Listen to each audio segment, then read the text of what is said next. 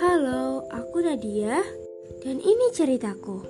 Ada satu buku yang isinya begini teman-teman.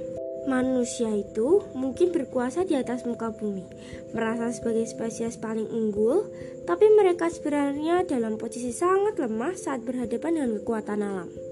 Mungkin beberapa hari ini kita merasa sangat lelah dan capek. Hampir mau menyerah, tapi juga nggak mau mati. Karena mati itu nggak bakal menyelesaikan masalah. Pasti ketika kita dihadapkan oleh sebuah masalah, yang ada di pikiran kita hanya satu. Aku mau cepat mati aja deh, biar nggak usah nanggung-nanggung proses hidup yang sangat pahit.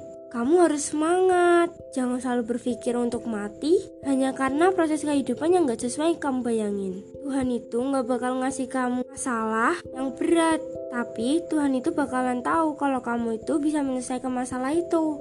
Jadi kita harus semangat, gak boleh menyerah.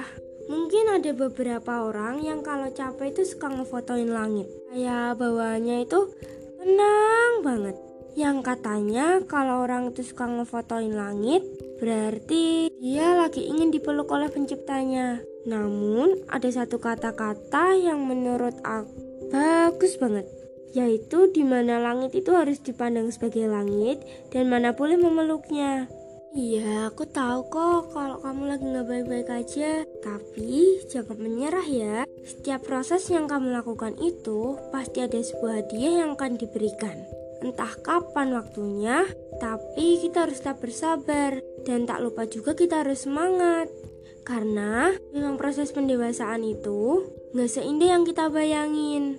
Ada pahit dan manisnya, karena nggak semua proses kehidupan itu juga berjalan dengan mulus. Pasti ada lika-likunya. Jadi setiap proses apa pun yang sedang kita alami, kita harus menjalaninya dengan penuh semangat. Jangan menyerah. Nangis boleh kok, tapi jangan sampai berlebihan ya, apalagi nyakitin diri sendiri.